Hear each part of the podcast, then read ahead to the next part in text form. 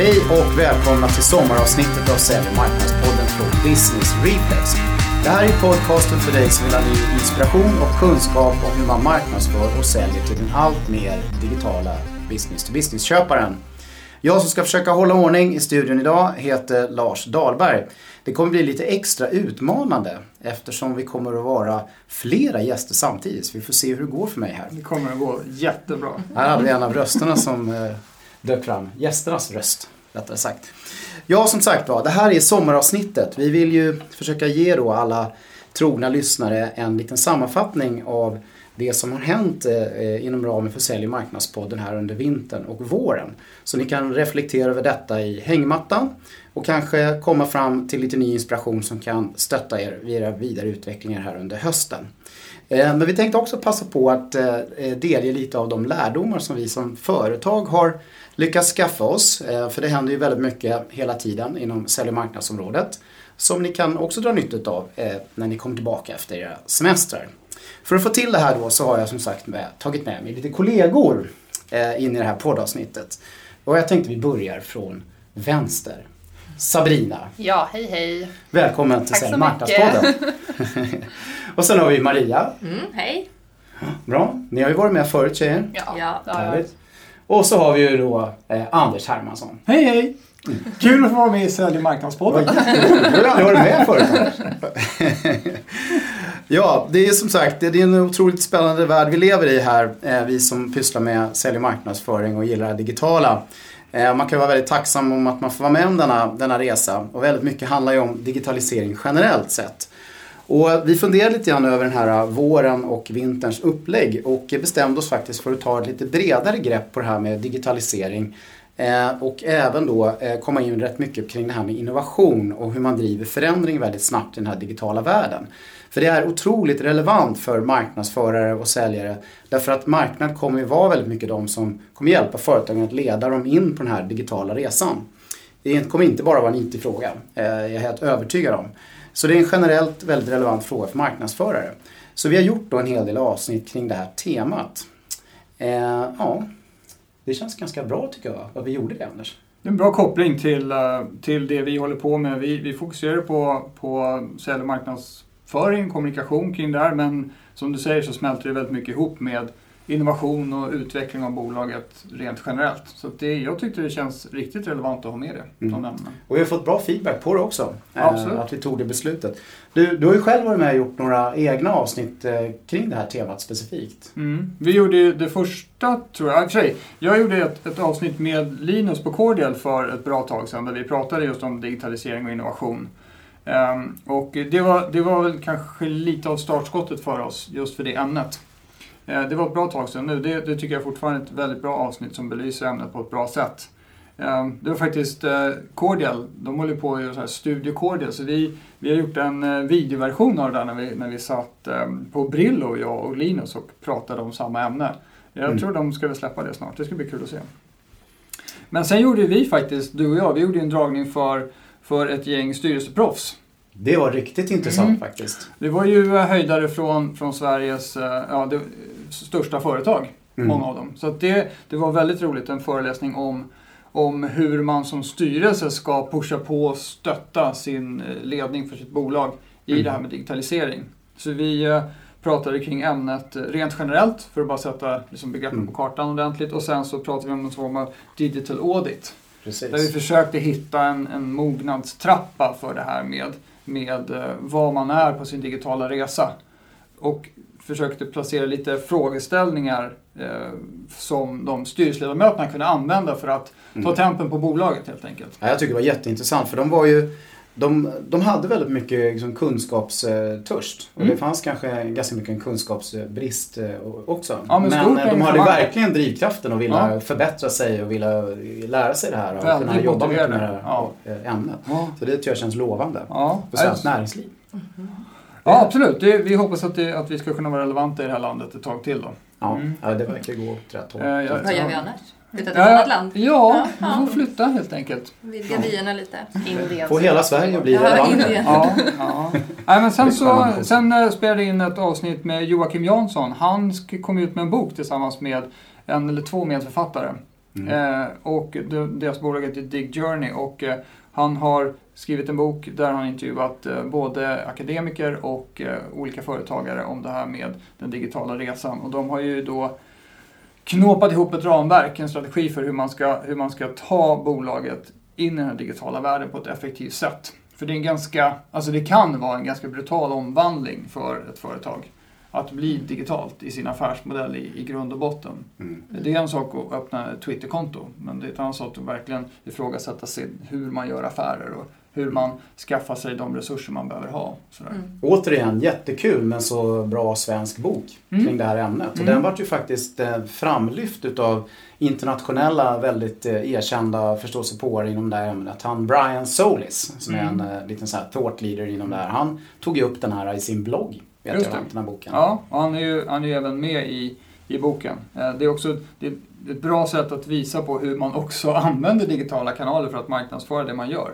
Jättebra med, tror jag, att, att försöka utnyttja nätverket för att skapa digital content kring ett sånt här ämne. Så det blir lite meta-diskussion Mm. här. Men bra, bra jobbat från, från Joakim och hans, hans Intressant kollegor. avsnitt. Får man lite smakprov på Ja, boken och metoderna och modellerna. där. Ja, det är alltid skönt att få någon struktur på det, även om det är det, det är alltid svårare än man Mm. tror, jag säga. En, det, man löser inte allt här i världen med en fyrfältare. Men, men Joakim de, de hade ju tänkt igenom det här med olika, olika motorer som de kallar det för, som driver det här med, med digitalisering framåt. I vilken ordning man ska ta tag i saker och ting. Så, så bra genomtänkt struktur. Men du har varit inne rätt mycket på det här temat innovation också, Anders, eller hur? Mm, just det. Eh, jag är med i ett innovationsprojekt också och där jobbar vi tillsammans med ett bolag som heter Innovation 360.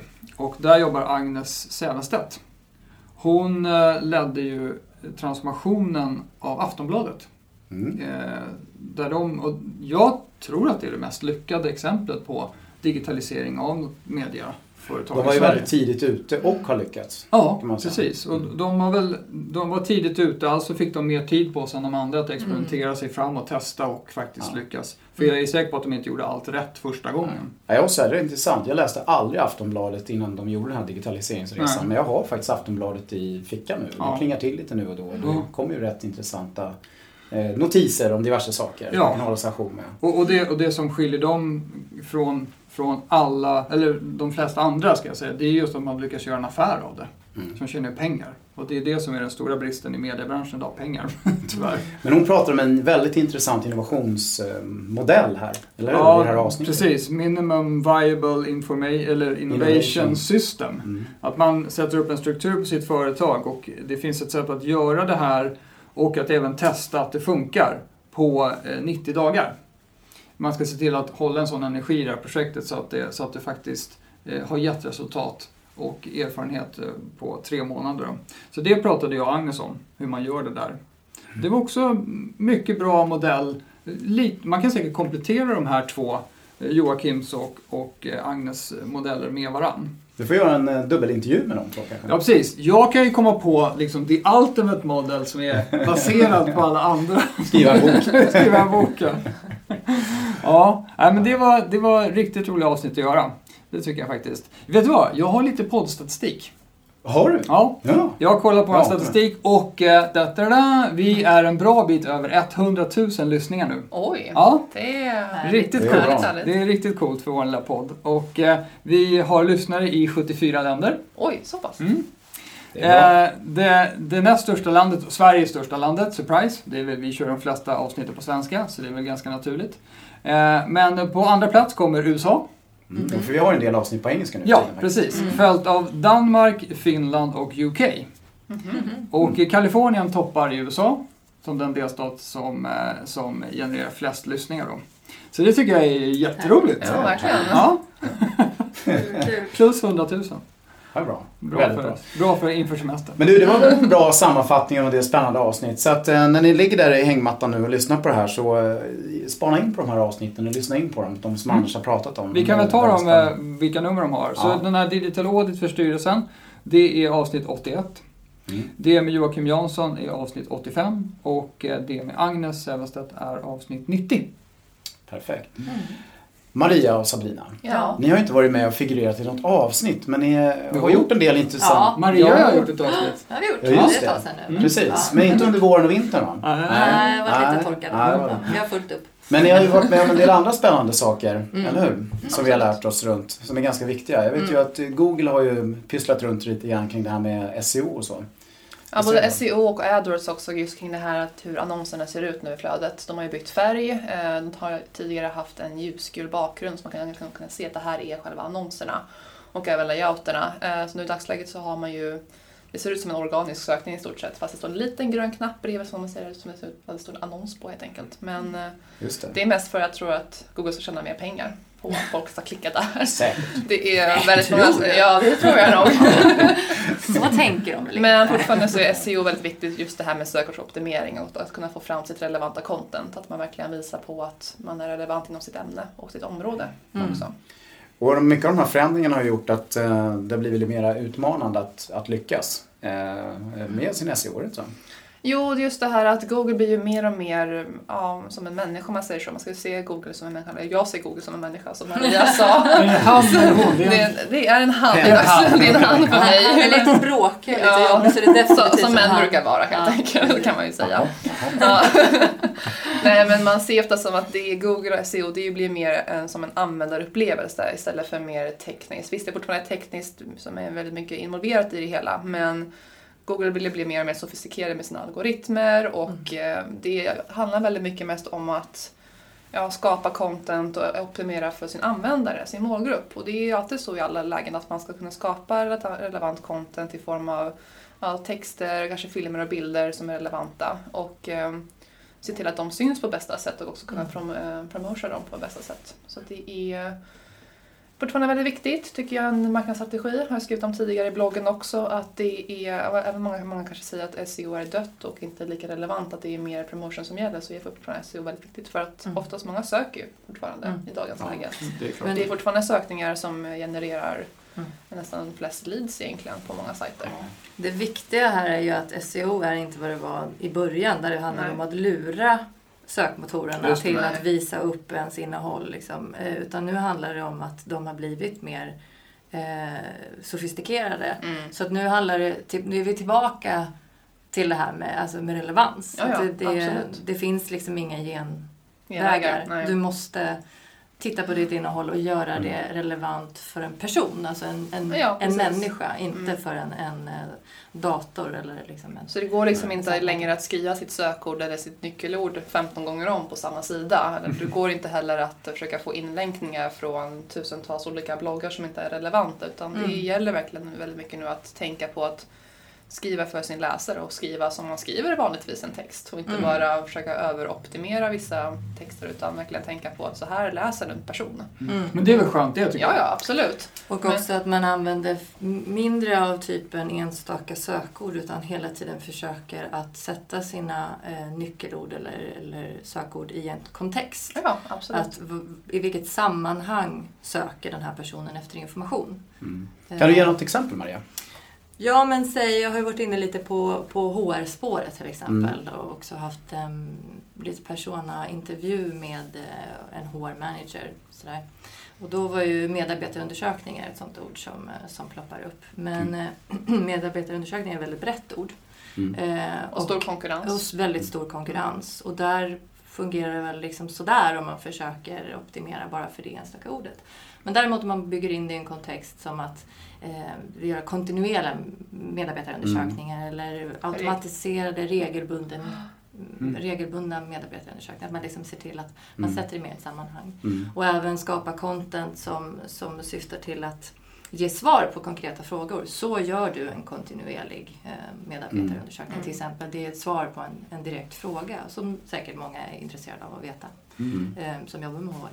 Så, så det handlar väldigt mycket om att göra det här faktiskt något tidskrävande men absolut eh, värdefulla arbetet med att ta reda på ordentligt eh, vem, vem är vår målgrupp? Mm. Vilka är de och vad har de för, Ja. för problem? Så, så som vi alltid startar liksom, när vi börjar med en ny När kund, vi att jobbar, vi gör det utredningsarbetet. Precis. Det, det är ju ganska intressant det här också att, eh, att om jag har förstått det rätt så gäller det att tänka lite grann som en process. När man Mm. jobbar med den digitala marknadsföringen så går man inte bara in och gör sin SEO och så är det klart med den. Utan Nej, nej, nej. man måste göra ett gediget grundarbete. Mm. Och den börjar med den här persona-tänket. Att man måste fråga Mm. dem som är de riktiga googlarna. Så att Precis. säga, vad de faktiskt söker på. Och så sen så anpassar man sig efter det. Men sen måste man ju jobba med det här över tiden, är det inte så? Det handlar ju om ett matchningsarbete. Det Mm. är ju liksom som en eh, datingprocess Dating, det här. Det handlar liksom om att eh, se ett behov och en målgrupp och sen se också, och inte glömma bort att det handlar väldigt mycket om att också identifiera eller göra det klart och tydligt för sig själv. Vilka är vi? Mm. Vilket företag och vilka erbjudanden står vi för? Och sen se liksom var det här behovet och vår identitet kan bryggas över. Mm. Så att man kan liksom inte slarva med någon del utan man Nej. måste se hela det digitala marknadsföringsarbetet som en, en, en helhet. Eh, och då, det är ju komplicerat för det handlar ju både om beteendemässiga faktorer, just som sagt, vad, Mm. vem är den här personen och hur, hur agerar man? Och det handlar om data och det handlar om teknik, liksom olika typer av verktyg. Så det är, det är väldigt komplext. Liksom. Mm. Men, eh, men man, man får inte glömma de så klassiska delarna av marknadsföring. För det här med personanalyser är ju ingenting nytt. Det är ju liksom, går way back i, i tiden när man började jobba med marknadsföring. Så vi har andra tekniska eh, verktyg och resurser eh, till hands. Men, eh, men det är liksom lite same same skulle jag vilja säga. Sen med det här strukturerade SEO-arbetet eh, är det ju så att om man har lagt en bra grund, eller hur? Mm. va? Så, så handlar det ju om att fortsätta spotta på stenen liksom. För Mm. över tid så blir den väldigt blöt. Eh, så det... Jag tar tillbaka det. Eh, vi... Nej, nej men nej, vi, vi, vi häller lite regnvatten på det istället. Nej men det, det är också tror jag en fotbollsuttryck. Droppen som urholkar Ja. stenen. Jag tror att det var så från början. Ja, det var nog så det var. Men också just det här, det är, det är inte bara SEO, alltså det är inte bara hemsidan det handlar om. Många tror att sökordoptimering handlar bara om att allting som ska finnas på vår hemsida, och texterna där, det är våra rubriker där, det är våra URL-adresser just där. Men det är väldigt mycket utanför, för att mycket av SEO är också extern, alltså som kallas off-page optimering. Mm. Och det är både att skriva på externa sajter som har liksom med ditt ämne att göra. Eh, social media är väldigt viktigt att kunna länka till rätt eh, innehåll och kunna skriva saker där. Så att det är väldigt mycket sånt arbete man måste också tänka på utifrån SEO. Och Mm. Inte bara tänka att det här är bara vår hemsida utan det är även allting kring det. Så i alla marknadsföring, också e-mail kan det vara, som, ja, allt möjligt där. Mm. Film på Mm. Youtube. Ja, film på Mm. Youtubes beskrivningar och texter och vad du har för som rubriker där. För att Youtube, det är som Google äger ju Youtube så att de är ju, försöker koppla ihop det samman. Så att Youtube-klipp kommer oftast upp i sökresultat ibland om det finns liksom en relevant skrivning där. Så att Mm. det är väldigt viktigt att tänka på det, Mm. att man kan använda olika typer av media men också att allting är Hänger kopplat. samman. Ja, precis. Mm. kopplat till varandra. Mm. Precis. Ja, ja det är spännande. Ja. SEO, det Mm. ska man verkligen ta på allvar. Mm. Absolut. Ja, vad trevligt. Vad ska vi göra nu då? Har du inte lärt dig någonting eller? Ja, jag står precis och funderar på det faktiskt. Har jag det? Undrar om jag har lärt mig någonting här. Jag försöker bara leda den här lilla truppen framåt i den här podcasten. Men, nej, men jag måste nog säga så här att någonting som jag tyckte varit otroligt intressant eh, eh, som vi kanske inte har gjort så mycket podcast om ännu är ju eh, en bok jag läste som eh, eh, handlar om det som kallas för experience design. Eh, och den är just skriven av den här Brian Soley som vi snackade lite om tidigare. Och eh, det bygger ju egentligen på att man försöker tydligt förstå liksom hela den här resan som ens kund går igenom. Allt ifrån man inspirerar dem till någonting tills de liksom är jättetrogna köpare och köper mera och, och, och berättar för alla andra om hur fantastiska vi är. Eh, och göra liksom en, en värdadelande upplevelse under hela den här processen. Från den här inspirationen tills eh, det här slutläget. Och, eh, eh, och hur man liksom tänker där för att designa det där. Och om man då börjar liksom väva in det här med digitalisering och alla digitala möjligheter som finns nu att liksom jobba med den här upplevelsegrejen. Blir man extremt fascinerad över hur otroligt mycket vi har kvar att uppfinna. Både som marknadsförare, att vi kan liksom göra extremt mycket bättre eh, upplevelsebaserad värdedelande marknadsföring.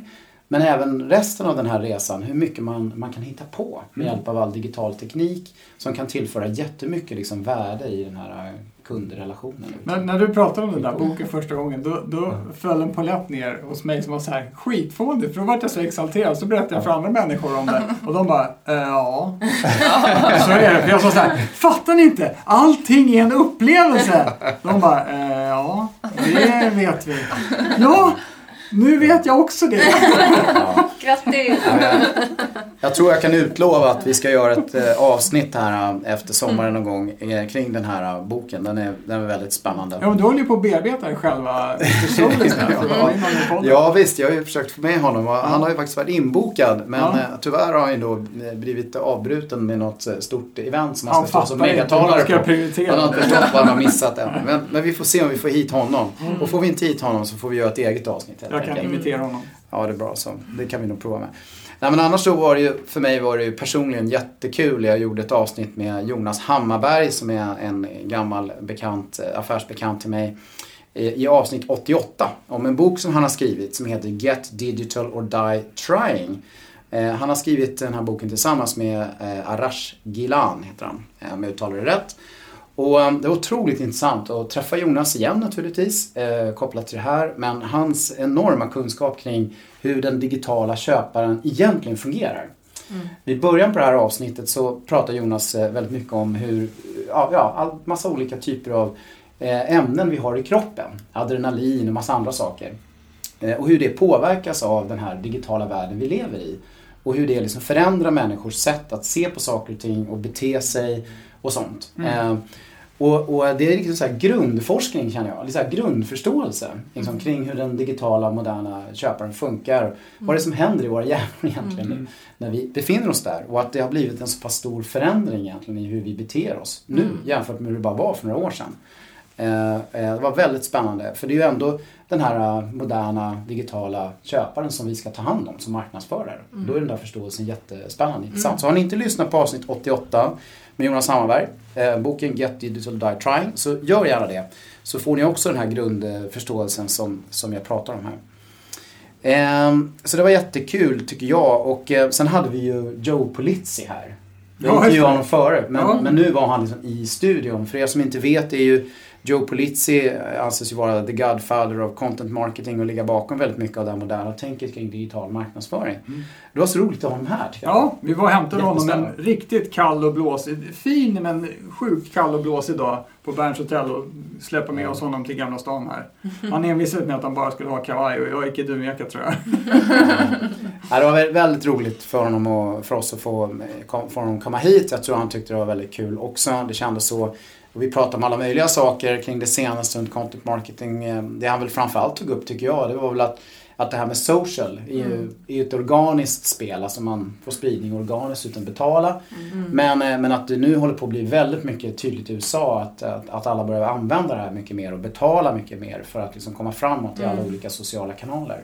Och att man all, vi alla får liksom förvänta oss det, att eh, vi måste betala oss fram väldigt mycket. Ja, Men gör man det och så kan man få det att fungera väldigt bra. Ja, de är ju affärsdrivande företag, alla de här sociala Mm. plattformarna såklart, som behöver Mm. visa på vinst och så. Och speciellt de som har lovat investorer att de ska dra in massa cash. Mm. Då är det vi som ska betala. Precis.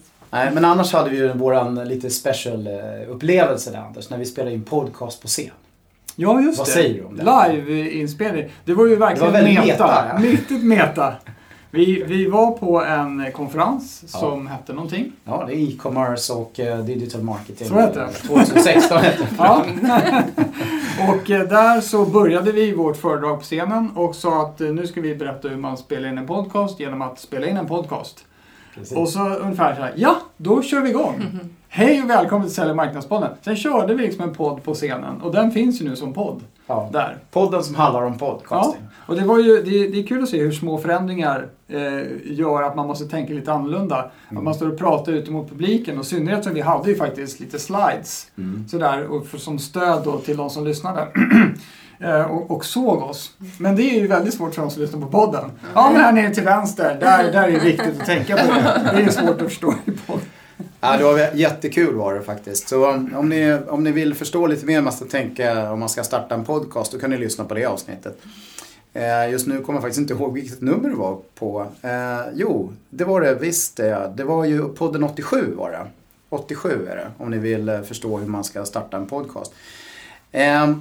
Annars så skulle jag vilja säga så här, en liten spaning som jag kan känna eh, är väldigt eh, intressant kopplat till vintern och våren är det här med agile marketing som vi inte riktigt har gjort något avsnitt kring. Vi gjorde ett litet avsnitt gjorde vi med Patrik von Bergens. Vi har pratat lite grann om det här eh, med minimum viable, minimum viable marketing också, men bara toucha på ämnet. Jag tror att eh, det här med agile marketing och minimum viable marketing kommer att bli något som vi kommer att prata mycket mer om och som många måste verkligen tänka, sig, eh, tänka kring hur de ska nyttja.